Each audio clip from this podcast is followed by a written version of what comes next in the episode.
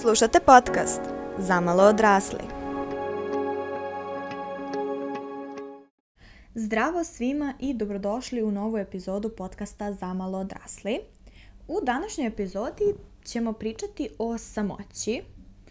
Ovu epizodu ja sam planirala malo ranije da uhvatim taj holiday blues, odnosno period oko, ras, oko praznika kada se često dešava da se ljudi možda više osete usamljeni, ali eto, ispitni rok je bio jači, tako da evo sad dolazimo do toga, ali možda ni sad nije loš trenutak upravo za ovakvu jednu epizodu. Ali prvo da se razumemo nešto. Nije svako ko je sam usamljen i nije neophodno da budeš sam ili sama da bi se osjećao i osjećala usamljeno. To prosto iako često ide jedno s drugim, ne mora definitivno uvek da bude tako i ne mora za svakoga da bude tako. Ipak, većini ljudi nije idealno da najveći deo svog vremena provode potpuno odvojeno od drugih ljudi. Nebitno na kom nivou bi bila interakcija sa drugim ljudima, ali ipak mi jesmo socijalna bića i često ako baš nema žive duše pored nas, može da nam bude dosta teško. Pravili se mi da je tako ili ne. Tako da, iako ti se možda sad čini da bi najradije da nikoga ne vidiš i da, možda bi ti sada prijelo stvarno da odeš sedam dana na neku vršku čuku i da nikoga ne vidiš, pitanje je kako bi to zaista bilo na duge staze. Jer možda sada imaš toliko susrete interakcije s ljudima da ti zapravo samo treba prostor da možeš da napuniš svoje baterije možda misliš da zato što si introverta i zato što je prosto jednostavno na drugačiji način interaguješ sa ljudima, da tebi uopšte ne trebaju ljudi, ali iskreno ne verujem da je zapravo tako, samo verovatno bi ti više prijale drugačije vrste interakcije sa ljudima. Makar to bilo i online interakcije, nekome i to sasvim dovoljno, nekome nije. Ali moja poenta je da jednostavno može da se desi da se u nekom trenutku osjetiš usamljeno, i to je okej. Okay. S druge strane, a, ne znači da treba da bežimo od toga da budemo sami, a, jer postoje neke stvari koje su više, ne mi nabilo društvo da neke stvari ne treba raditi potpuno samostalno i ako to radiš to je onda, on si čudak, onda nešto ne valja s tobe, onda vratno nemaš s kim drugim čim ti to tako radiš sam ili sama. Recimo, ne znam, odlazak u kafić. Mislim, ja znam koliko je meni bilo neobično kad sam prvi put sedel, sela u kafić sama. I dalje ne, ne umem da sedem u kafić i da kao ne radim ništa, ali mi je sasvim okej okay da odem i ako ću da radim, učim ili tako nešto, da sedem u kafić i da budem sasvim sama. Um, otići u bioskop samostalno, putovati samostalno. To su sve stvari koje nekako imamo taj utisak da to je strašno uraditi potpuno sam ili sama, ali to je u redu. I uopšte ne mora da budeš usamljen kada radiš to. I uopšte ne mora da polazi iz osjećaja usamljenosti. Možda se sasvim još bolje osjećaš kad tako uradiš. I to isto sasvim. Okay. Ono o čemu ja zapravo želim prvenstveno da pričam, to je kako da ako ipak imaš a, periode kada si duže u situaciji da nemaš kontakte sa ljudima, kako da nekako prijeđeš taj osjećaj samoće i usamljenosti. Uh, koji se zapravo može prilično lako desiti ako iz veće porodice ili generalno iz okruženja gde svaki dan viđeš ljude, hteo ti to ili ne, pređeš u okruženje gde živiš potpuno sam. E, to je upravo ono čemu ja želim da pričam. I ja isprava nisam shvatila da se osjećam usamljeno kad sam počela da se osjećam usamljeno, jer nekako mislim da je deo mene bio u fazonu, ali Milice ti si ovo htela, um, jao pa ali ima toliko pozitivnih strana toga što sam sama i da sam zanemarala da samo zato što ima pozitivnih strana i zato što definitivno ja sam ovo izabrala i ne kajem se što sam izabrala, to ne znači da ne može da ima negativan efekat na mene. Da stavim malo u perspektivu, ja imam i brata i sestru, tako da nekako moja kuća je uvek bila puna i kogod da je dolazio kod mene pre nego što sam se preselila, definitivno može da potvrdi da je kod nas uvek bila gužva. I prosto, još smo i takvi ljudi, da je prosto to bilo tako. I u tim momentima mi je svaki trenutak samoće toliko prijao i toliko sam priželjkivala da niko ne bude u kući, samo da niko ne bi bio u kući, ne da bi ja radila ne znam nijan šta, nego samo da bi bila sama. I sećam se koliko sam jedva čekala ako mogu da ručam sama i da me makar niko ne nervira tada i da tada mogu malo da budem sama sa svojim mislima, jer znam da ako neko bude jeo sa mnom, da će opet taj neko nešto, pa da ćemo da pričamo, pa da ovo, pa da ono. I prosto uh, ta, takva je situacija iz koje sam ja došla. Znači, takva je bila moja svakodnevica. I kad sam se preselila, moja prva, prva reakcija je bila wow, ovdje je mirno po ceo dan. Ovdje je mirno ujutro, ovdje je mirno popodne, ovdje je mirno uveče. Wow! I zaista sam bila oduševljena, moram priznati. I onda iz nekako, vjerojatno iz tog oduševljenja, nisam shvatila u trenutku kad je zapravo počela ta samoća da udara. Još dodatno da, da vas podsjetim da je to bilo i dve godine online nastave, što objasnit ću zašto mnogo menja stvari. I ne bi to ni shvatila da me dečko u jednom trenutku nije pitao, pa dobro kao, jesi nekad osjećala usamljeno s obzirom da ipak živiš sama? I tek tad sam shvatila da zapravo jesam bila usamljena, a da samo to nisam registrovala, ali da neke stvari, neka moja ponašanja su definitivno bila pokazatelj moje usamljenosti. I sad prosto gledajte ovako. Ako, men, ako ja nikoga ne pozovem, ako se ne vidim ni sa kim, meni je vrlo često dnevno jedine osobe koje sam viđala su bile kasirke. Mislim, ništa protiv kasirki, ali razumete kako je to prosto to nije neka sad e, duboka interakcija, to nije sad ne znam nija šta, to je možda dobar dan, doviđenja. Ništa više od toga. I plus, eto, ljudi sa kojima sam sarađivala, koji su to uglavnom, pogotovo u tim trenucima, bila deca i njihovi roditelji, znači opet čak ni neko ko je, čak ni ne neko ko je moje godina, sa kim bi mogla još bolje da se povežem i da budem ispunjenija. I zbog toga, recimo, to je neke stvari koje sam posle shvatila da su bile vezane zato što sam se osjećala usamljeno, je recimo da, pošto stvarno nemam, ne znam nija koliko vremena da izdvojim, da se viđam sa prijateljima i prosto znam da mogu sebi da priuštim sigurno da jednom nedeljno se vidim sa nekim i da prosto organizujem i svoje druge obaveze oko toga. I shvatila sam da se mnogo ljutim kada me neko ispali. Nebitno koji je razlog, shvatila sam da uopšte nije toliko bilo bitno koji je razlog, iako sam uvek imala razumevanje za to da i meni se nekada neki dogovori nisu, nisam žela da ih ispoštujem kad sam bila mlađa i sve to, kad sam imala mnogo više, aj kažemo, druženja i prihvatala sam apsolutno sve kad me, čim me neko pozove i slično. I kao sve sam uvek ja to razumela i ne mislim da bilo ko treba da se pravda i da izlazi kada mu se to ne radi, sam shvatila da me to jako povređuje. Ne u smislu da nekako nemam razumevanja, već da imam razumevanja, ali da meni to razumevanje ne može da pređe preko toga kakav je ishod. A to je da sam ja odvojila vrijeme za nekoga i da se ja ni sa kim nisam videla. A da recimo nekoliko dana se radujem tome što ću moći da sedam sa nekim i da popričam.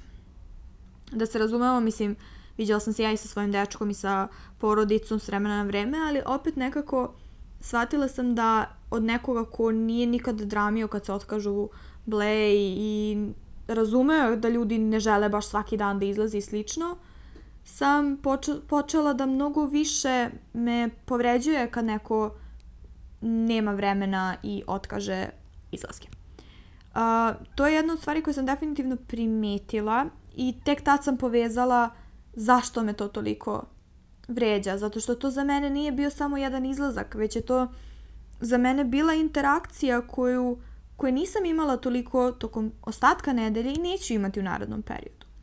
I također to je jedan od razloga zašto sam se ja jako radovala nastavi uživo, zato što za mene nastava uživo nije bila samo lakša jer lakše odustati na pola predavanja kada je predavanje online, nego kada sediš tamo i profesor priča ispred tebe, ali i zato što sam ja nužno morala da vidim svoje kolege tu, mislim, volim ih, nije, nije da sad ne, ne želim, ali to je nešto bilo što je prosto, oni će doći tu, ja ću doći tu, mi ćemo tu sedeti i provoditi neko vrijeme, makar to bilo i u tišini slušajući profesora i prosto shvatila sam da razlog zašto mi te stvari, toli, zašto mi te stvari toliko važne i upravo zato što nisam primetila i nisam shvatila da se osjećam usamljeno.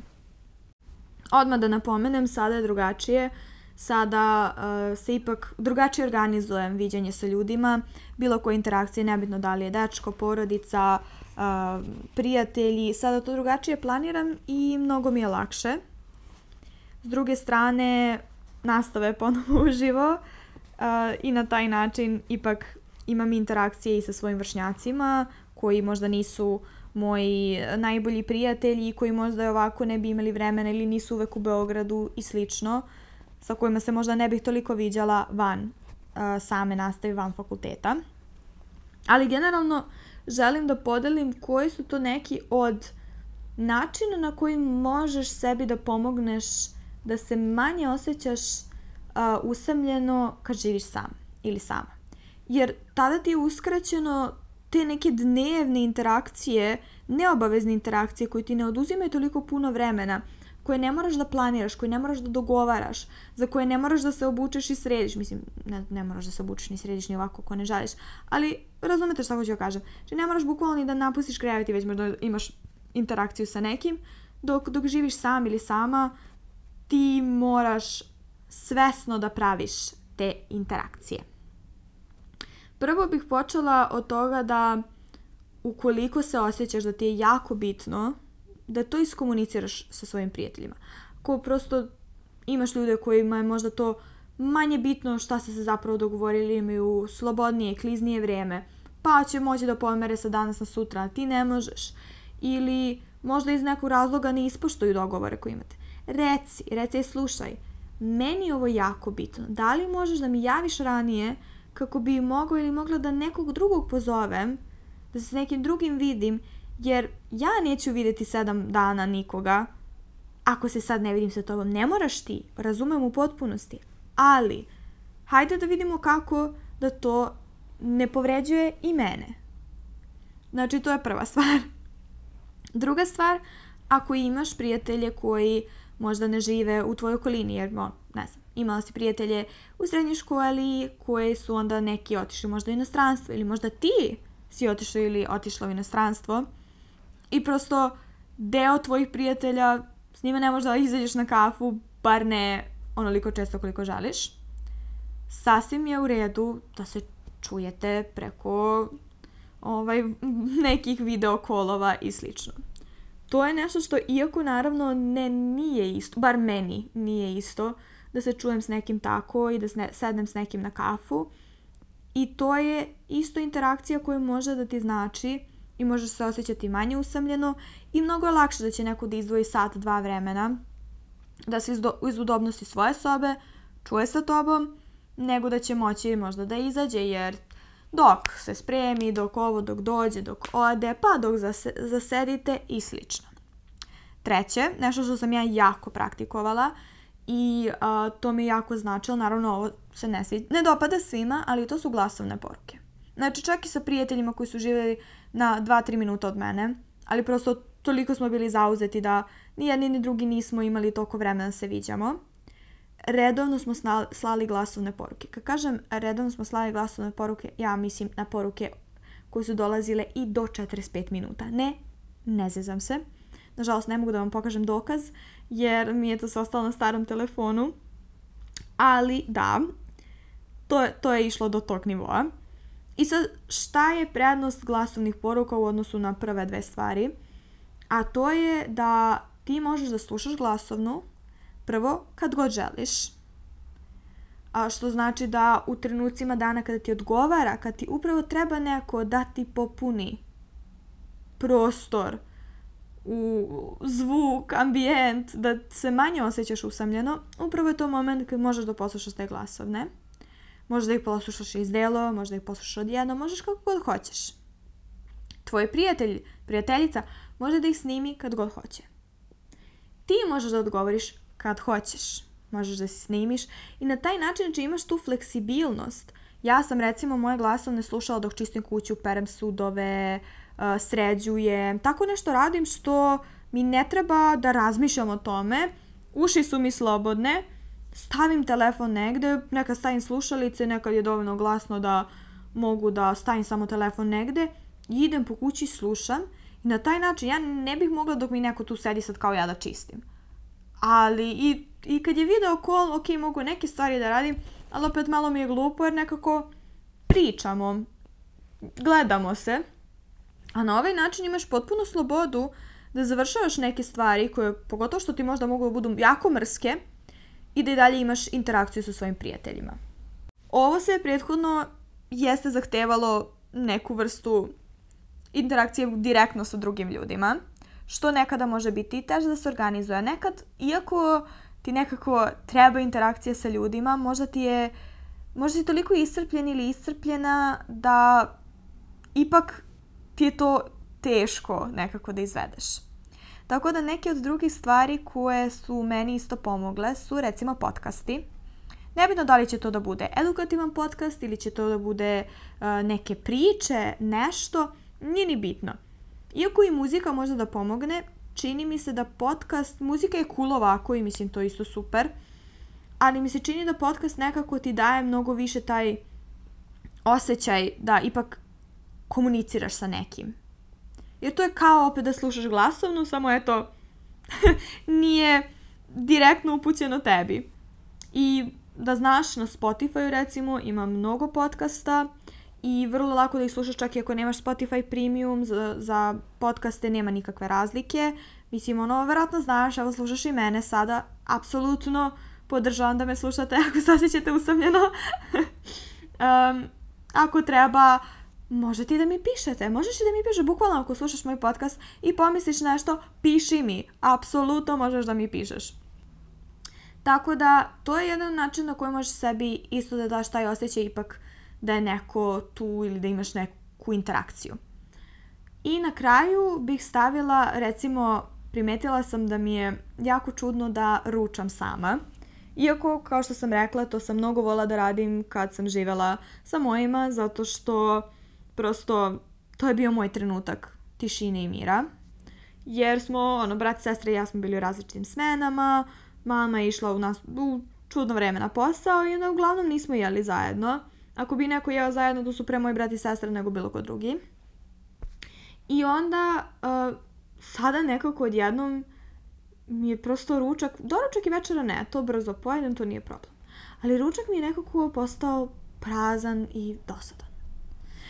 I onda sam shvatila da mi prija da uz ručak pogledam neku seriju, pogledam nešto na YouTube-u i da na taj način prosto sebi ipak smanjim taj osjećaj da sedim sama i jedem. Iako kažem, s druge strane, nemam problem da čak i odem negde i jedem sama. Mislim, uglavnom ne idem u restorane zašto restorani su skupi da bih sedela sama i jela. Ali kad ovako negde napolju kupim hranu, meni apsolutno nije problem da jedem sama. Jer tad se nekako nešto dešava. Ali u kući, u stanu, iz nekog razloga mi to prosto nije bilo to. Sad, naravno neće svakome biti idealno, možda neko ima neke druge momente kada želi da popuni na ovaj način. I posljednje što bih možda dodala kao nešto što je definitivno meni pomoglo i drago mi je što sam napravila takvu odluku, a to je kućni ljubimac.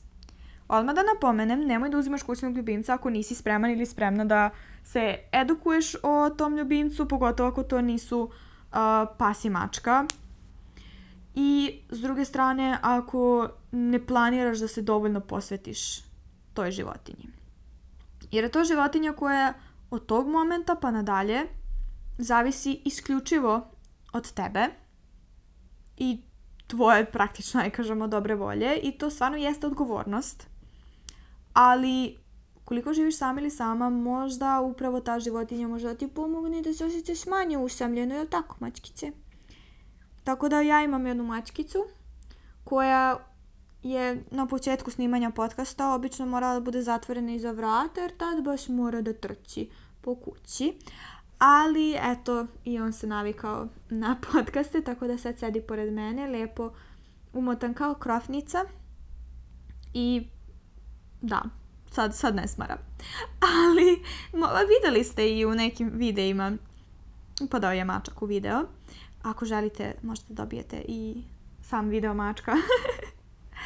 A, ali kao što sam htjela da kažem, znači, životinje definitivno, mislim, svi znamo ono kao pas je čovekov najbolji prijatelj, svejedno, pas, mačka, nekome i zlatna ribica, ovaj, apsolutno nešto što može da pomogne se osjeća manje usamljeno. I definitivno sam shvatila da bi bilo mi baš jako teško da sam duže bila potpuno sama. Jer kao svaki put kad se vratim kući dočeka me jedno malo čupavo, nepretarano pametno stvorenje koje mi prosto pomaže da, eto, makar kad pričam sama sa sobom, se pravim da pričam sa mačkom. Ali ne, stvarno, najiskrenije. A, tako da, to su možda neki od mojih saveta. A zašto sam uopšte odlučila da podelim ovo i kad sam shvatila da nisam baš toliko usamljen slučaj? Ha. Šala, fora.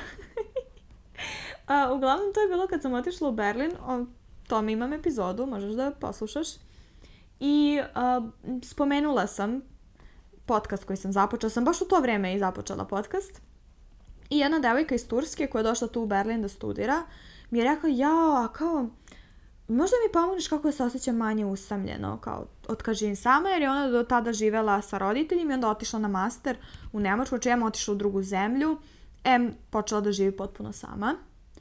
I onda sam ja počela da joj pričam i onda sam tek tad shvatila koje su zapravo neke stvari koje sam ja radila da bi se osjećala manje usamljeno i da zaista ima mladih ljudi koji tako igram slučaja počnu da žive sami i ne znaju kako možda se nose sa tom usamljenošću. To ne znači da, mislim, sasvim je okej okay živeti sa nekim, da se razumemo, ne moraš da živiš samo ako ne želiš.